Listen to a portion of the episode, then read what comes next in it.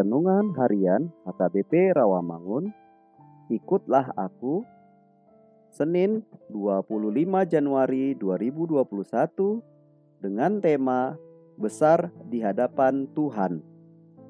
Bacaan kita pagi ini tertulis di dalam Kejadian pasal 12 ayat 1 sampai 9 dan bacaan kita malam ini tertulis di dalam 1 Korintus pasal 7 ayat 17 sampai 24 dan kebenaran firman yang menjadi ayat renungan harian kita hari ini tertulis di dalam Mazmur pasal 32 ayat 5 yang berbunyi Dosaku kuberitahukan kepadamu dan kesalahanku tidaklah kusembunyikan aku berkata aku akan mengaku kepada Tuhan pelanggaran-pelanggaranku dan engkau mengampuni kesalahan karena dosaku.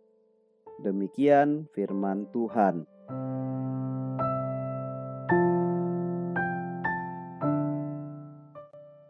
Renungan hari ini adalah nubuatan tentang Yohanes Pembaptis.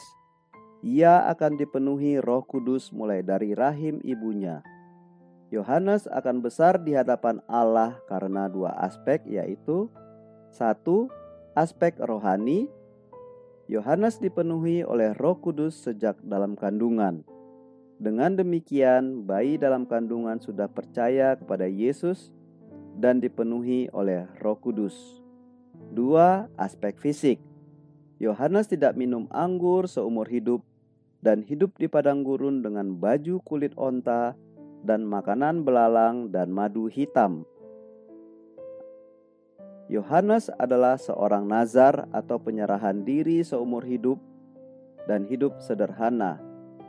Besar di hadapan Tuhan dan membaptis Yesus juga membuat jantung ayah berbalik kepada anak-anaknya dan membuat manusia bertobat. Seharusnya kuasa pertobatan dari Allah terjadi kepada kita sehingga kita tidak menjadi anak-anak yang membuat orang tua kita menangis tetapi sebaliknya, seperti Yohanes, kita membuat mereka bergembira, sebab firman Tuhan terjadi di dalam hidup kita. Untuk besar di hadapan Tuhan, maka langkah pertama adalah harus ada pertobatan, dan setelah itu dipenuhi Roh Kudus. Artinya, kita melayani Tuhan. Janji Allah memulihkan keluarga yang pecah atau broken home melalui pertobatan pribadi. Amin. Marilah kita berdoa. Ya Yesus, tolonglah kami bertumbuh di dalam iman, sehingga kami besar dan berwibawa memberitakan firman-Mu.